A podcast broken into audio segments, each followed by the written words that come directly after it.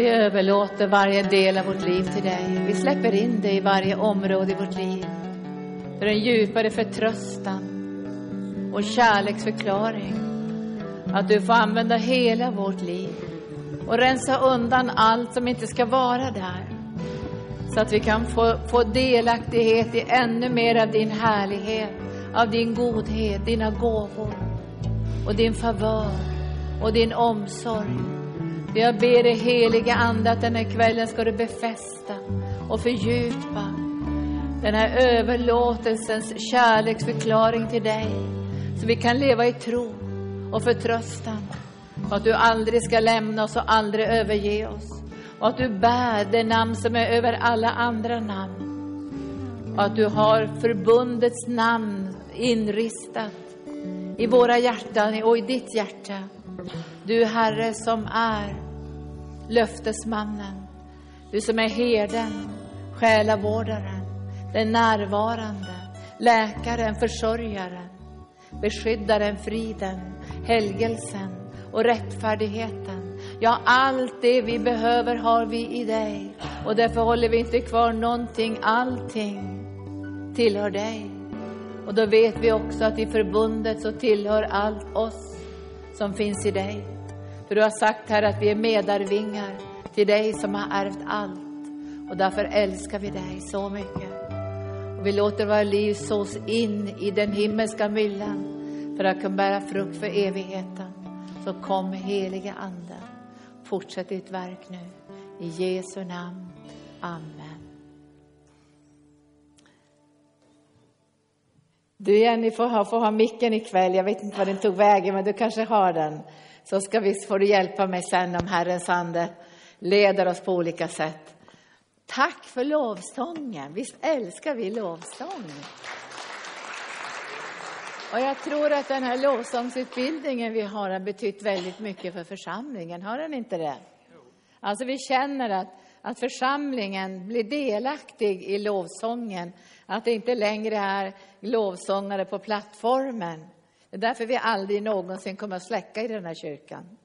Jag säger så, om ni släcker i den här kyrkan får ni bära ut mig. För att det går inte att släcka i en kyrka där vi ska se varandra. Där vi ska se vad anden gör. För jag kan inte tjäna om jag inte får se vad anden gör över era liv. Och få kunskapens ord och uppenbarelse. Att kunna tjäna, för vi är ju Kristi kropp. Och vi är ju här för varandra också, eller hur? Vi är här i bön för varandra. Och därför är det viktigt också att vi får se varandra i anden och ha förbön för varandra. För Gud kan plötsligt bara visa dig en broder eller syster som du kommer att be för. Du kanske inte ens kommer att be för den personen med handpåläggning, men du kommer att be i anden. Och därför så vill vi ha starkt ljus i kyrkan. Och det är liksom en bild på Guds härlighet. Och det var så fint det, det du sa Timo, det här med familjen och församlingen. För jag ber ju redan nu för profetorden. Jag har varit i bön nu kanske några månader för att se vad säger Herren för 2023. Det är spännande. 2022 så gav Gud fullt fokus på Jesus. Det var bara Jesus, hylla och älska lammet. Och det var det också som var liksom som flödade in i lovsångsutbildningen när jag gjorde den här boken, eller skrev den här boken på Guds uppdrag, den nya sången till Lammet. Och jag har bett mycket och sökt Herren, vad säger du för 2023 och kanske år framöver? Då, då, men vi ska, ni får hjälpa mig att be, för det är något vi gör tillsammans. Men att Herren säger att fortsätt att älska Jesus, men älska familjen, församlingen. Det är det som kommer i den heliga Ande. Därför det kommer att bli hårdare och hårdare i den här världen. Och det måste finnas platser där Guds härlighet är uppenbarad. Där, där människor får se en kropp. Olika lemmar i den här kroppen. Inte bara några som står på plattformen, utan lemmar i den här kroppen. Som finns i den här kroppen för att tjäna kroppen. För Herren säger ju, tjäna varandra med de nådegåvor som ni har fått. Så det här kommer att bli också en, ett, en församlingens år. Du vet det första som, som lärjungarna frågar Jesus när de möter honom, det första frågan, det är inte så här, kommer vi få se några under? Kom vi få se din härlighet. De frågar så här, var bor du? Det är det första de frågar, var bor du? Och då säger Jesus, kom hem får ni se. Man undrar hur han bodde. Vad tror Hade han fint eller var det enkelt eller var det spartanskt? Eller? Det måste i alla fall ha varit ett stabilt hus, för de fick ju kämpa länge och göra hål i taket innan de fick ner en lame. Det var ju Jesu hus. Var bor du någonstans? Var bor du någonstans? Och det är en fråga som jag tror också Jesus ställer till oss. Var bor du någonstans? Jag tror inte längre vi ska vara troende som är som förvirrade får som springer överallt. Det är inte bibliskt, utan vi ska ha ett hem. Vi ska ha ett hem. Sen får vi vara gäster i andras hem och jag är jätteglad över att syskon kommer hit från olika församlingar på restaurang. Fast man kan ju inte ta med sig all mat hem från restaurangen så man går in i köket och hämtar allt och ska ha tio doggybag. Det går ju inte riktigt.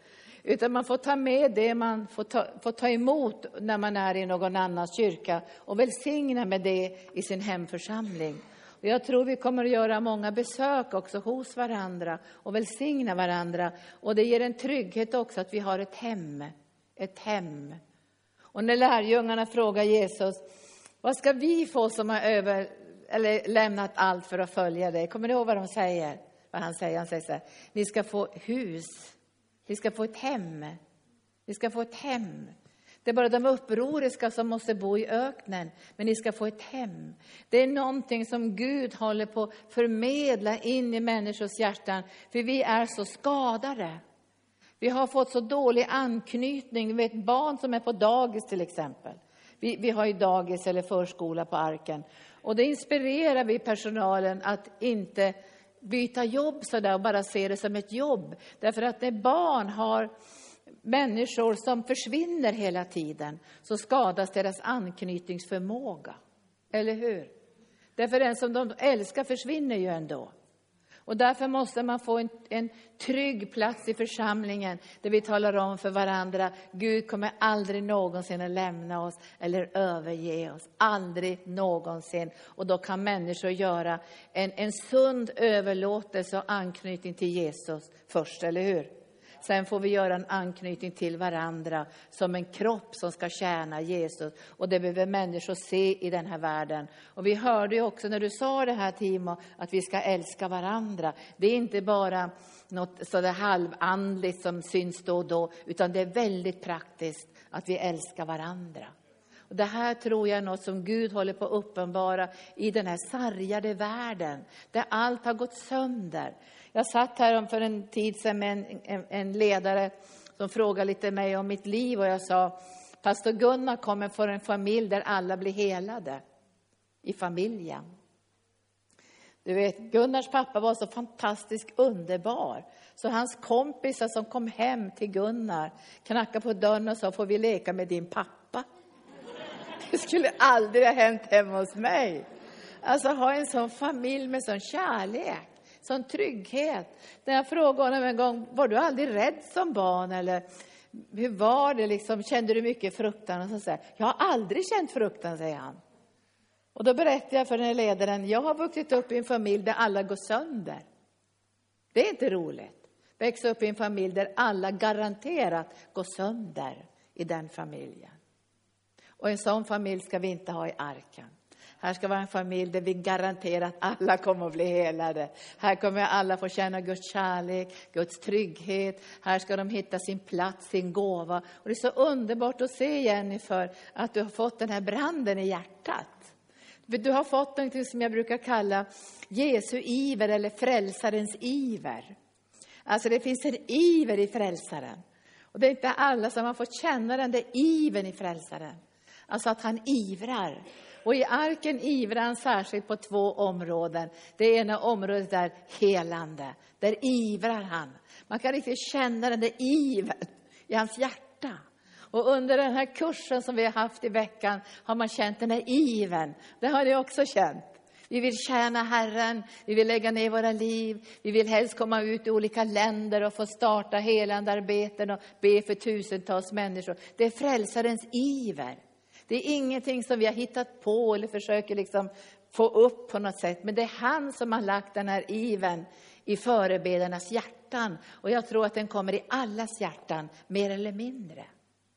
För Jesus han ser ju, han säger, när han ser de här mängderna av människor i Matteus 9 så säger han skörden är stor och den är riven och den är slagen och den är sönderbruten. Men jag ber att ni ska be skicka skördearbetare till skörden, för skörden är stor men arbetarna är få. Och så börjar det brinna i våra hjärtan. Så tänk inte att det är fel på dig när du börjar känna Herrens iver. Visst är det som en brand, Jennifer? Det bara, det bara växer i styrka. Och ibland så kommer Gud med den där ivern i helt konstiga situationer. Jag har ju berättat för er en gång när jag skulle ta semester tillsammans med pastor Gunnar. Vi skulle åka på någon sån här eh, resa någonstans. Vi hann bara vara där i två dagar för jag började känna den fruktansvärda iven på insidan. När frälsaren liksom började säga Mosambik, Mosambik, Mosambik, Mosambik. Jag sa, jag har aldrig varit i Mosambik, Gud. Jag, jag har aldrig varit i det landet. Och han bara fortsatte. Men jag är i semester.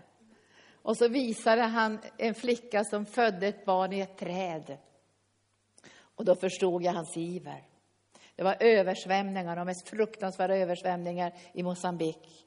Och så ledde han mig, jag tror att det var en artikel eller en bild i en tidning, hur en flicka födde ett barn i ett träd och det hängde i navelsträngen. Jag vet inte om det föll ner sen, men det hängde i alla fall en stund i navelsträngen.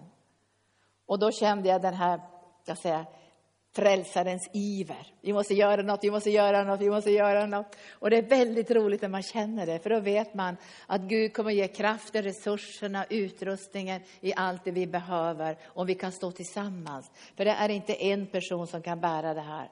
Och jag sa till Herren, men vad ska jag göra för något? Vad vill du att jag ska göra? Och då sa han så här, ja men du ska göra många saker, sa han. Först ska du se till att de här människorna som är i översvämningen får tält, malariamedicin och filtar. Jag tror vi fick in två miljoner till det faktiskt. Men det här var en, en del år sedan. Och sen så sa jag, men vad ska vi göra mer då Gud? Och sa Gud, vi ska göra en kvinnoklinik. En kvinnoklinik. Så att människor, kvinnor ska kunna föda sina barn i trygghet. Och nu mitt i pandemin faktiskt så fick vi en jättefin video från Mosambik där de berättade att över 900 kvinnor hade under bara pandemitiden fått föda sina barn på den här kliniken. Visst blir man glad då? Och då tänker man, ivra mer frälsare. Alltså han ska ivra ännu mer. När den heliga ande inte riktigt ivrar, då, då blir jag orolig, vet ni det? Då känner jag så här, man, det här, då är det något som är farligt. Men jag känner att vi ska ivra för det vi har gemensamt. Och jag känner att vi kan komma in i en sån smörjelse här i arken, att vi börjar ivra för det vi har fått tillsammans.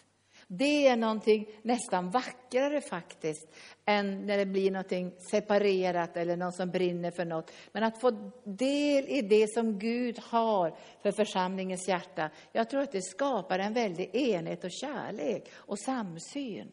Och jag undrar om inte det är på gång.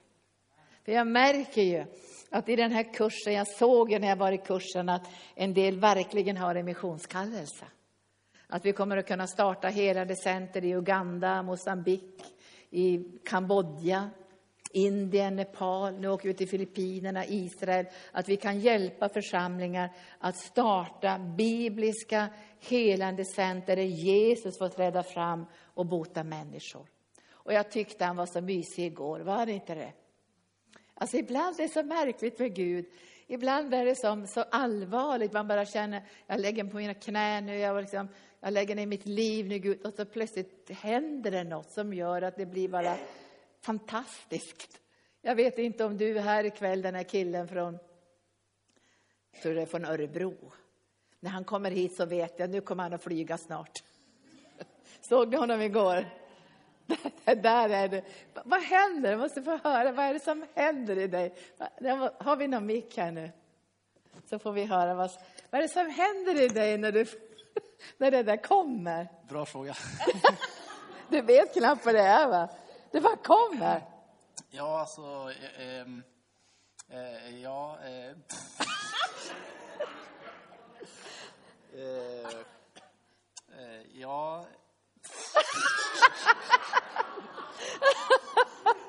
ja... kommer som en eld, va? Det kommer som en eld. Men det sprutade ju på igår ordentligt. Det det. Du, sprang du för Jesus? Ja. Du sprang där, va? Det är så fantastiskt. Vi ska nog få se någonting av det ikväll också, tror jag. Ja. Jag har frågat hur många varv han ska springa ikväll. Fem varv. Och sen vet jag inte vad som hände här. Men det var en kvinna som låg på golvet och cyklade. Och jag tänkte så här, jag undrar vad hon är på väg. Hon Är på väg till Uganda eller kanske till Vitryssland i anden? Det kanske man först, först måste göra en överlåtelse i det andliga. Och sen kommer det manifestera sig. Linda, jag fick ju också sån springsteg Fick du springsteg? Jo, så här när. Det kändes så? Jo, ja, men benen får ju De får bara.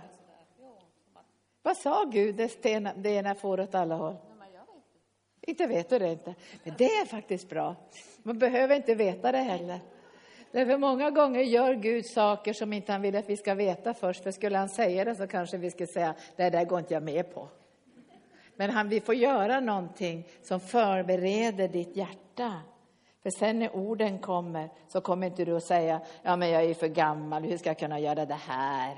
Det kommer du aldrig att säga. Det kom, nej. Men är du från Norrbotten? Ja, ja, jag hör ju det. Jag börjar prata norrländska. tack Jesus, tack Jesus, tack Jesus. Det kommer att bli en underbar kväll ikväll. Vilket, vilket team är med ikväll? Vilket, vilket team av förberedare Är det ni? Det är ni. Och sen är det också ett team här. Hon ska vara förebedjare. Ni ska, ni ska få, om en stund ska ni få gå fram och jag känner att ikväll så vill jag bara lösgöra er. Ni behöver inte tänka så här att åh, nu måste vi gå in under Lindas auktoritet här och lyssna noggrant vad hon säger. Utan, utan, jag tänkte att, att ikväll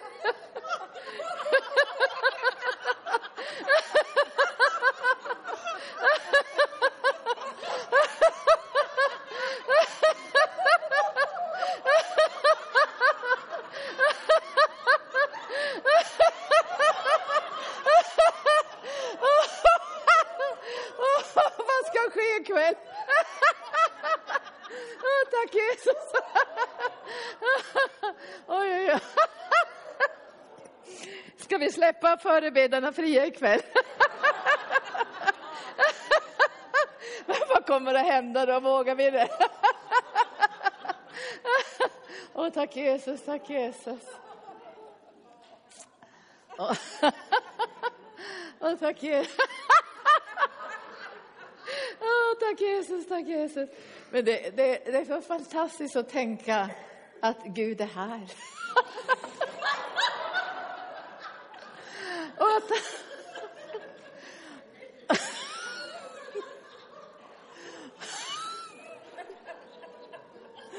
Åh, tack Jesus. Att det... Ikväll kommer det att ske mirakler, vet du det?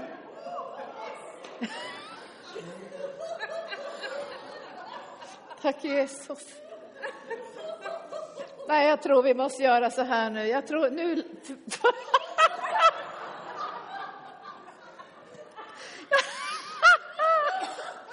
Jag, jag tror vi ska ta fram förebedjarna, för vi måste få...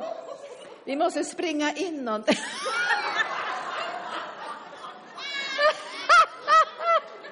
Kom, kom, kom förebilder, kom och ställ er här.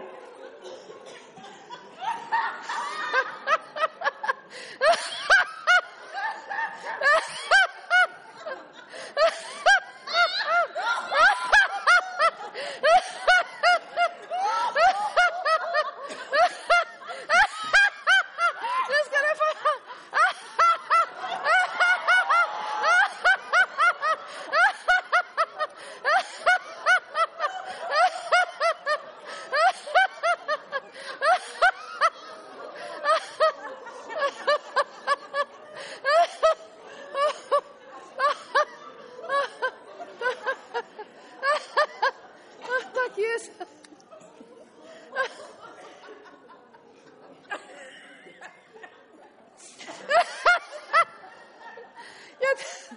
jag tror faktiskt...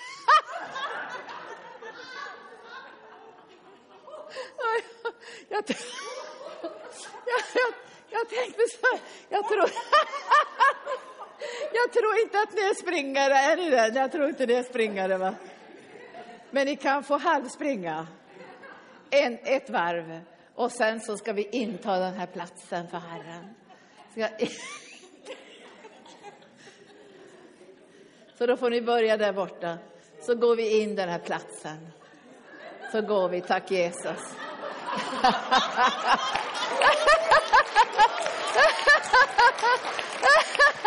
Åh, tack Jesus.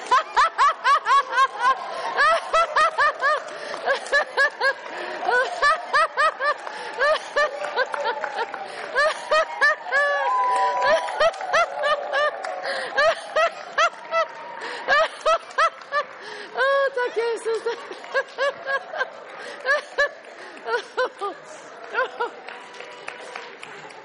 Åh, tack Jesus.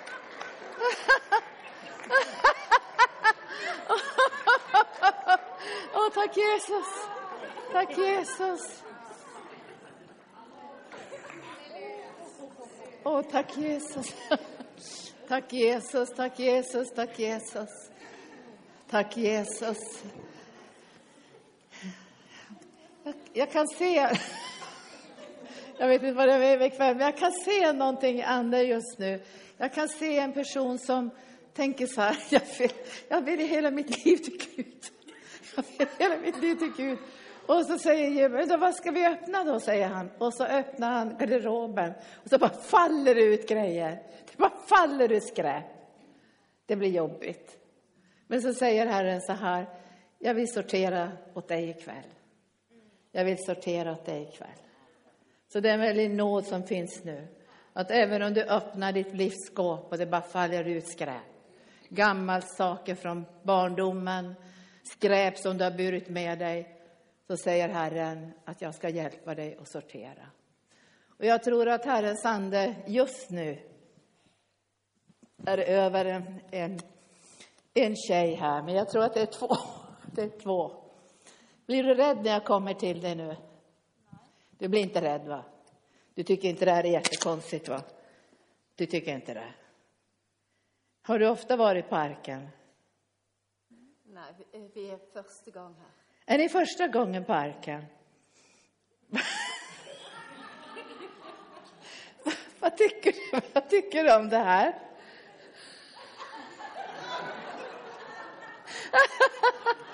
Att Gud är god. Du tänker Gud är god. Ja. Är det din dotter? För nu ska ni få komma fram. Nu kommer det bli en förlossning. Jag känner redan nu i dig, nu kommer en förlossning. Vi känner i det. Nu kommer en förlossning. Nu kommer en förlossning. Det är första gången de är på arkan. Men det känns redan att du får både gråta och skratta. Känner du det? Tack Jesus. Åh, vi prisar dig Jesus, vi prisar dig. Nu får du komma till en norsk och en svensk. Och så kom, kom flera runt här och nu ska vi be. Nu kommer Guds ande att flöda. Vad är det du plågas av? Vad är det du vill lägga på Herrens altarplats? Du har upplevt något väldigt, väldigt, väldigt ont. Du har upplevt mycket, mycket ont. Mycket smärta. Ja. När jag var 21 år. När du var 21 år så hände det saker som slog sönder mycket i ditt liv. Men tänk att Herren tittade på dig ikväll med så mycket kärlek. Så sa han så jag ska hela dig. För den här smärtan som du kände när du var 21 år, den har han burit på korset. Han har sagt, du får inte bära den längre, min dotter. Du får inte bära den längre. Vi har burit den. Just nu kommer Gud att lyfta av dig den här smärtan och göra ett mirakel. Och din mamma kommer att få se det här. För du har längtat efter att få se det här. För jag känner att du är som den där mamman i Bibeln som säger Jesus, kan du befria min dotter för jag plågas så svårt. För du har burit mycket av hennes smärta. Men nu kommer Gud att lyfta av den smärtan också från dig ikväll. Nu kommer det ske ett mirakel. Nu ska du bara ta emot. Tack Jesus. Bara ta emot. Nu kommer Guds kraft över dig. Nu kommer Guds kraft. Kommer Guds kraft. Du känner hur Guds kraft kommer. Du flödar in i dig. Tack Jesus. Kom helige Ande. Nu, nu, nu, nu. Släpp det taget bara. Släpp taget, släpp taget, släpp taget om smärtan nu. Låt honom lyfta av den, låt honom lyfta av den. Kom heliga Ande. Och nu sänder vi också förlåtelse till de människor som har gjort henne illa. Vi sänder förlåtelse till dem som har skadat henne, lagt ord i hennes innersta som har brutit ner hennes själ. Och nu ser du henne ikväll, du ser henne, Herre, du har burit hennes tårar. Du har tagit hennes tårar. Och jag ser, Herre, att din läkande smörjelse flödar in i hennes liv nu. Tack Jesus, tack Jesus. Förebedare be, för nu ska miraklet också ske med mamma, för nu lyfter Gud av dig. Nu låter du smörjelsen komma. Nu kommer det. Nu ska du få lyfta dina händer också och ta emot den här Ska nåden. jag Från, datta? va? Ska jag datta? Nej, du behöver inte datta inte. Du kan stå. Men vill du, om du känner nu hur kraften kommer och Gud kommer med läkedom, då kan du bara släppa taget så lägger du det i Guds kärlek. Får du ligga kvar ett tag och helas. Men du behöver inte om du inte vill. Utan du låter bara kärleken till Jesus komma nu. Så säg tack Jesus att du helar mig. Säg tack Jesus att du helar mig. Tack Jesus att du helar mig. Tack Jesus att du helar mig. Tack Jesus att du helar mig. Tack Jesus. Kom helige Ande. Kom helige Ande. Kom helige Ande. Tack Jesus. Hör ni någonting till den här flickan? Elin, hör du något?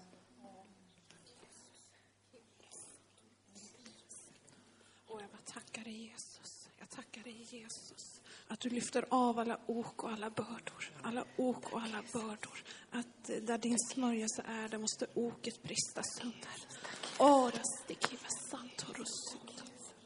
Åh, jag bara tackar dig Jesus att du för henne ut i frihet. I frihet med dig Jesus. Att hon inte är fast i det här fängelset längre. Hon är inte fast där. Du för henne ut. För hon tillhör dig. Hon tillhör dig. Halleluja. Kira sar shontoro sontoro lo. Och all den här djupa smärtan, den här djupa, djupa smärtan, den har du burit Jesus. Du har burit den, så jag bara lyfter av den just nu. Lyfter av den här djupa, djupa, djupa, djupa, djupa, Det som sker nu djupa är att Gud lyfter av det som händer nu. Och då säger den här flickan, måste jag falla? Det behöver man inte göra. Det är inte så att det är ett tecken på att man tar emot väldigt mycket för att man faller. Men varför gör Gud det där så att människor faller? Jo, därför då blir man mer avslappnad i hans kärlek. Så att han kan nå in i de innersta rummen och beröra. Och det, då ger han också någonting som vi brukar kalla himmelsk narkos. Alltså en övernaturlig avslappning så att man släpper in honom. Nu vet jag att vi kan vara så, be, sätta på så många murar på insidan och så mycket, ska säga, fikonlöv och man, man, man vill inte öppna sig. Man kanske inte ens känner att man vill skämma ut sig, eller hur? Man känner att det här vågar jag inte visa att jag har så mycket smärta. Och då, då gör Gud det här för att man ska kunna slappna av inför hans ansikte. Så det är en väldigt, väldigt nåd. Och vi önskar ju här på arken att människor ska kunna öppna sig för Jesus. Jag tycker det är trons mest underbara manifestation när människor får gråta inför Guds ansikte. Alltså då vet jag att det här är på riktigt. För världen är fylld med smärta. Och var ska vi öppna våra hjärtan om inte i Guds församling där Jesus är med sin närvaro?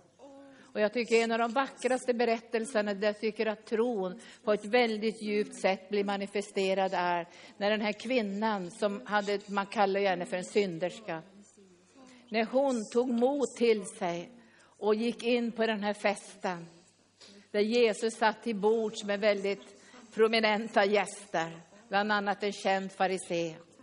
Och så kommer den här kvinnan in i det här rummet och så kastar hon sig vid Jesu fötter och bara gråter. Och så tar hon och böjer sig ner och tvättar hans fötter med sina tårar. Och så torkar hon hans fötter med sitt eget hår. Och så gråter hon samtidigt. Och det blir en väldigt, väldig kritik. Och jag känner så här, på arken har vi inte den kritiken. Utan vi säger bara kom och öppna dig för Herren här. Det här är den platsen du får utgjuta din smärta, ditt innersta inför hans fötter. Och här finns det syskon som finns runt omkring dig för att beskydda dig från all kritik och alla negativa tankar som kan komma i en sån situation medan man gråter eller efteråt. Och ibland är det värre efteråt än när det sker. Men, men den här kvinnan, hon får stanna kvar. Och jag tycker det är så fantastiskt underbart vackert att Jesus inte sa, nu räcker det. Nu har du gråtit en halvtimme, så nu räcker det. Nu, nu får du gå härifrån, för jag är på fest. Han låter henne gråta så länge, till hon öppnar alabasterflaskan och häller den väldoftande oljan över Jesus. Och jag vet i min ande ikväll att om man inte får gråta färdigt så öppnar man inte alabasterflaskan.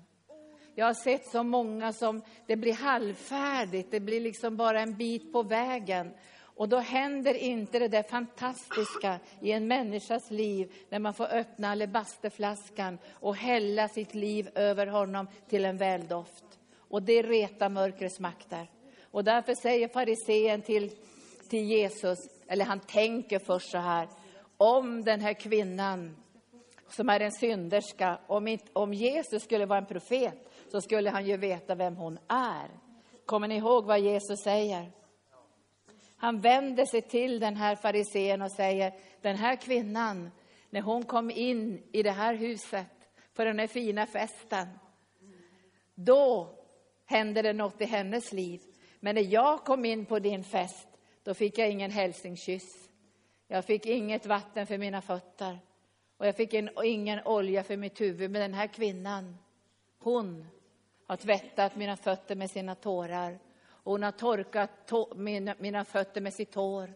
Och hon har gett mig både hälsningskyss och vatten och olja över mitt liv. Och så säger han, den som har fått mycket förlåtet älskar mycket.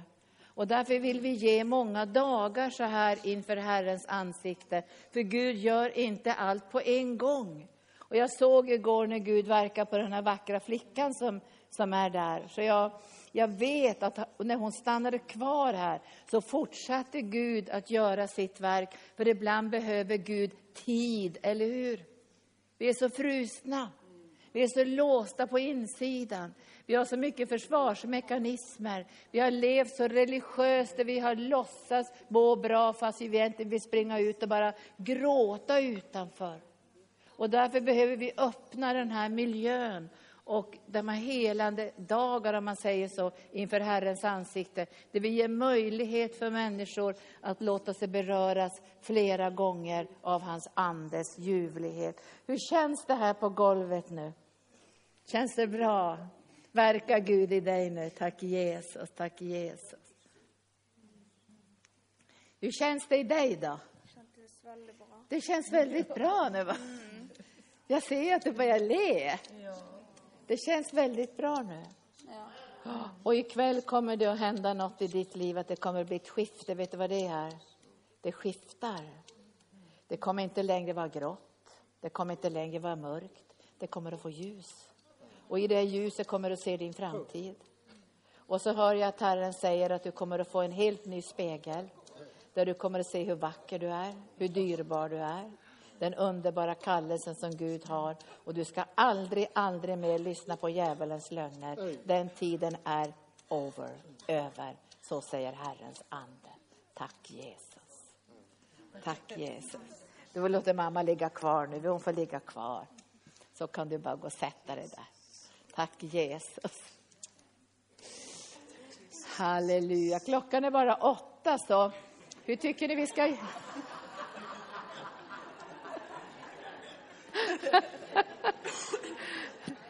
Känner ni er vilda ikväll? Va? Elin, känner du att det, ser du någon här som, som Herren pekar ut? Nej, men jag måste ha en mick. Vi ska hämta micken. Få höra. Nej, jag ser ingen som man pekar ut. Men jag kände i stället när eh, vi när Timo delte detta med familj, att jag kände att det var som en sån smärta i bröstet. Att någon känner att, att jag, jag känner inte på den känslan av familj. Och att det är en, en sorg. Eh, att eh, jag eh, att, ja, det är en hälsning från, för Jesus att han, han vill hela och sätta dig in i hans familj. Att du bara ska få känna kärleken från dina syskon på ett djupare sätt. Mm. Men det är ett kunskapens ord som, eh, som Elin fick. Elin arbetar ju i Bergen och startar helandearbete där tillsammans med sin pastor och förebedjare. Men det här är verkligen profetiskt. För jag sa så här, jag har vuxit upp i en familj där alla går sönder. Där allting går sönder. Där det, det bara finns nedbrytande krafter. Och man lär sig som barn att leva i en sån miljö när man går sönder på insidan. Men jag känner det så underbart att veta genom åren att Gud kan hela. Och jag sa en gång så här, jag har tappat så mycket delar i mitt liv, Gud. Hittar du det? Om du ska hela mig och det är liksom en borta hälften av allt som ska finnas i mitt liv. Då sa Gud så här, jag hittar det. Jag kommer att hitta det. Och sen sa han, och det har vi, använder vi också här på arken, jag tar alla bitarna och så lägger jag dem i mitt kärleksvatten. Och så mjukar jag upp det. Och sen tar jag det och lägger på min drejskiva. Och så gör jag någonting så vackert. Och det som Herren säger är att de här skadorna kommer inte att synas. De här ärren kommer inte att träda fram som smutsiga tatueringar på våra liv. Utan det blir någonting vackert som kommer, för Gud är mäktig att göra allting nytt. Och jag tror att den här otryggheten som kommer genom att man har haft det väldigt trasigt. Nu var ju mina föräldrar inte psykiskt friska. Och så att det var mycket av smärtan som kom att man levde i den miljön. Men jag kommer ihåg särskilt när jag bodde i fosterhem uppe i Vittange, det är uppe i fjällvärlden. Hur otrygg man kan vara som barn och hur svårt det är att orientera sig i otryggheten. Där det inte finns liksom den här tryggheten som man fäster vid. Och jag tror många har det inom sig, den här ensamheten som också är, som påverkar det andliga livet. Som ger en otrygghet som gör att man inte hittar sin kallelse. Man hittar liksom inte ens hem i sig själv. Hur ska man då kunna hitta hem i en församling? Men jag tror att ikväll, när Elin gav de här orden, så tror jag att Gud kommer att göra mirakler på det här området. Att han kommer att komma med djupt, djupt, djupt helande. För någonstans så försöker ju barn att liksom hitta sin egen trygghet. Och den tryggheten kan komma i verkligt felaktiga händer. Där mörkret kan påverka, där det blir sexuella övergrepp, felaktiga bindningar till vuxna och sådana här saker. Och jag, här om natten när jag låg och bad och Herren väckte mig på natten så kände jag bara att vi i arken kommer att arbeta ännu mer för barn och yngre barns ska säga, andliga hälsa. Så de små barnen som är kanske fyra, tre, fyra, fem år ska få en ordentlig mötesplats med Jesus och få knyta de här banden till honom. Om de kanske inte har de här banden i sina hem så ska de kunna få knyta de här banden till Jesus. Och jag tänker ibland, tänk om någon hade sagt till mig som liten, du kan få lära känna Jesus.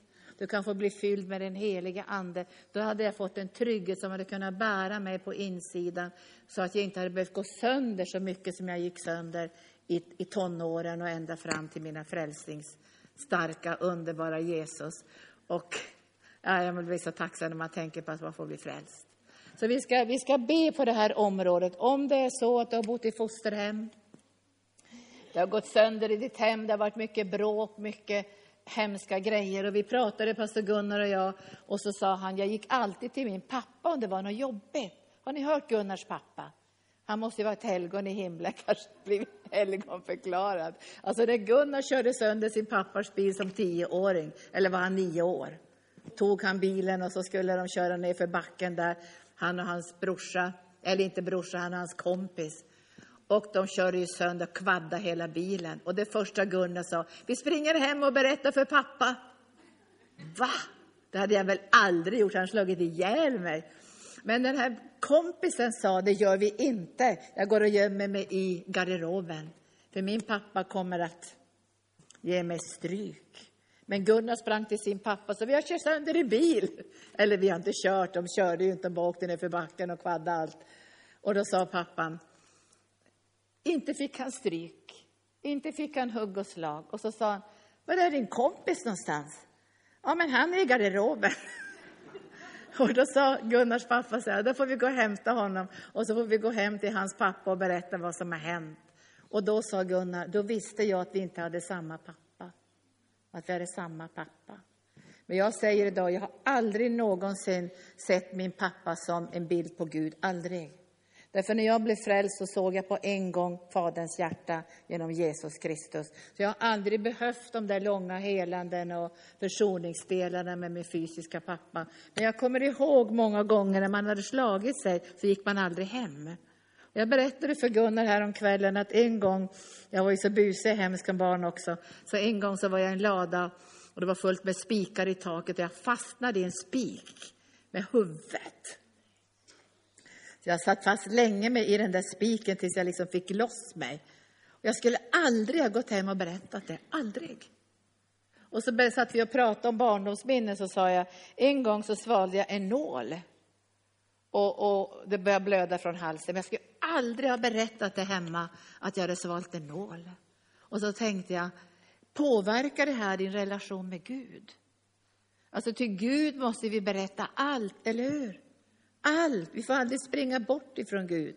Vi får aldrig dra oss bort ifrån Gud. Vi får aldrig tänka, det här kan jag inte berätta för Gud, då kommer inte han att tycka om mig. Vi ska berätta allt för Gud. Det är inte säkert han tycker om allt som vi har gjort, eller hur? Men vi ska berätta allt för Gud. Då får vi utrymme och då kan vi säga, Gud jag behöver hjälp med garderoben, min andra garderob. Nu har jag för mycket skräp där inne, kom och hjälp mig. Och så kommer han och rensar undan, så vi ska inte bära det som han ska bära. Han har burit min ensamhet, min existentiella smärta. Han har burit min otrygghet. För jag växte ju upp också med, med en farmor som var svårt mentalsjuk. Men sånt kan man ju leva med som barn. För barn kan ju leva i fantasivärld, för de var inte elaka, hon var ju bara sjuk. Men, men när man lever i en sån värld, då får man väldigt svårt att orientera sig. Och jag tror Gud håller på att göra någonting av stabilitet i mångas liv, där det, där det blir en sundhet och en, en, en, identitet som är på en annan grund än i våra erfarenheter och våra uppväxtår. För vår identitet är ju Jesus Kristus i den andliga kärleksrelationen med honom. Och där finns den djupaste tryggheten. Så kanske det är någonting, nu ska vi inte lämna ut våra föräldrar och jag är jätteglad över att jag har fått mina föräldrar. Och jag förstår varför det blev så jobbigt, för jag kan ju deras bakgrund nu. Min mamma var en väldigt ängslig same som aldrig hade velat flytta ner till södra Sverige eller norra Sverige. Hon var ju same från fjällen. Det finns många olyckliga omständigheter och de omständigheterna hamnar vi ju på ett sätt. Men vi ska låta försoning också flöda in i våra föräldrars liv, för jag hade inte fått livet. För hade det funnits abort på, på den tiden när min mamma blev gravid så hade jag inte funnits. För hon ville ju göra abort, men det fanns ju ingen abort, så hon skulle lämna bort min syster. Men det, saker faller ju samman om man ser i Guds perspektiv vilken nåd det är att vi har fått livet och vi ska förvalta det på allra, allra bästa sätt. Vi ska bära massor med frukt för Jesus och då trampar vi djävulen under oss. Eller hur? För lever vi kvar i den här ensamheten och dåliga självförtroendet och allt det här offerkoftan och det är mina föräldrars fel, kommer vi inte att bära någon frukt.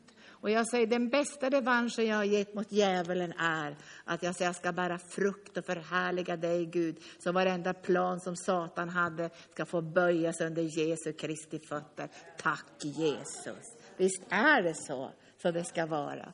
Så nu har ni många förebedjare här. Skäms inte för att visa det här. Det kan vara små saker, stora saker som har hänt. Och ibland förstorar ju också barnen upp sina lidanden mot föräldrarna. Det får vi ta. Så det kan ju hända att mina barn kommer att säga att du var för lite hemma och det ena och det andra. För vi är ju inga perfekta föräldrar. Men jag vet att Gud är en perfekt förälder.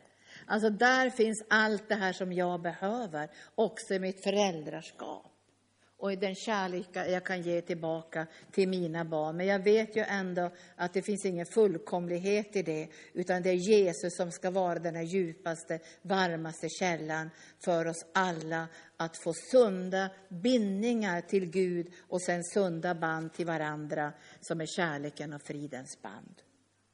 Så jag tror att jag vet inte, men jag vet inte, jag vet inte. Men jag känner på mig att det finns någonting i din barndom här. Är det så? Ja. Gud är hela tiden på. Du sitter längst bak, men han är på dig hela tiden.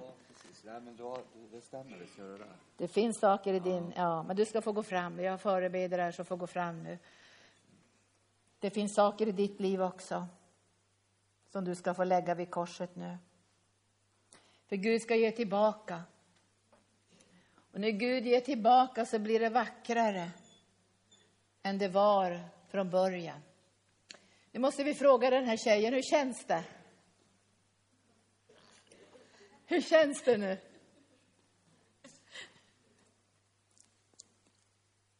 Det känns gott. Det känns gott. Ja, Gud har gått på djup, Han har gått på djupet nu. både i, både i mitt liv og i forhold til det å være en mamma som ikke fikk det til, men som likevel elsker Gud. Men visst är det, det är så fint det Herren säger till dig. Det är så bra att säga, du räckte inte till. Hur skulle du kunna räcka till? För du, är- du, du är ju lika beroende av Gud. Visst är det skönt att veta det? Men Gud räcker till. Och nu har du fått den som en dubbeldos också nu. Och din flicka, vet du, hon hade ett stort leende. När hon gick härifrån. Tack Jesus. Så, nu får ni gå fram. Vi, vi ska fortsätta att bara låta Herrens ande få verka. Men känner ni igen det här? Alltså, vad gjorde ni som barn när ni var olyckliga? När jag bodde i fosterhem så tänkte jag, hur ska jag göra med den här otryggheten? Då gick jag ner i källaren. Vet ni vad jag gjorde i källaren? Jag drack öl. Jag var fem år och satt och drack öl till de kom på mig. Men jag tror att jag kände någonstans där nästan som en slags bedövning i smärtan. Och nu ska ni veta att många gånger har man tagit den bedövningen med droger, med olika typer av narkotika, mediciner, överdrifter inom olika områden. Det kan vara spelmissbruk, sexmissbruk, det kan vara relationsmissbruk eller vad som helst. Därför att man måste på något sätt få de här djupaste behoven mötta. Och när du går fram ikväll ska du göra en sån här kärleksförklaring till Jesus. Bara du kan möta mina djupaste behov. Och i den överlåtelsen och bönen kommer det ske mirakler i ditt liv. ske mirakler i ditt liv. Och jag har en hälsning till, till dig också. Att alla de här som du brukar nämna namn och sjukdomar och olika saker. Herren säger till dig ikväll, ikväll ska jag uppenbara för dig att det här ligger under dina fötter. Du vet det redan, men ikväll kommer det bli en djupare uppenbarelse om den sanningen. Så säger Herren till dig. Så varsågoda nu, skäms inte för att gå fram och, och låta Herren hela på det här området. Tack Jesus. Va? Vem har fått det? Ja, men du får säga till. Säg det, det finns flera kunskapens ord här. Jag, jag känner i mitt hjärta någon som är djupt förtvivlad. Om det är här på nätet då, som har fått en diagnos av läkare. Där man inte kan ge dig något hopp. Du känner sån djup förtvivlan. Och Jesus vill möta dig. Han vill dra dig nära sitt hjärta. Han vill omfamna dig. Han vill komma och röra vid dig och han vill lyfta av dig. Han vill lyfta av den här bördan, den här negativa diagnosen du har fått. Och han vill visa dig vem han är. Han vill uppenbara sig för dig. Han vill visa sina sår för dig. Att det helande du behöver, det finns i honom. Han kan och han vill. Ehm, jag fick också, jag upplevde det här väldigt starkt under predikan, att du har liksom känt att du är bunden. Du är så bunden i omständigheter, i problem och det här. Och sen fick jag liksom den här bilden att du känner dig som instängd i ett, som ett fängelse. Men just att dörren är öppen. Den är inte låst. Och det är Jesus som är dörren. Det är hos honom du finner läkedom. Och han vill sätta dig fullständigt fri ikväll. Det är genombrott. Tack, Jesus. Fräls, frälsningens dag idag. Tack Jesus, tack Jesus, tack Jesus. Åh, vi prisar dig. Oskar, ska du komma fram? Tack Jesus. Nu ska vi be för dig. Du får stå här. Det här är Oskar, du har träffat honom tidigare. Så vad är det, vad är det du lyfter fram inför Herren ikväll? Eh,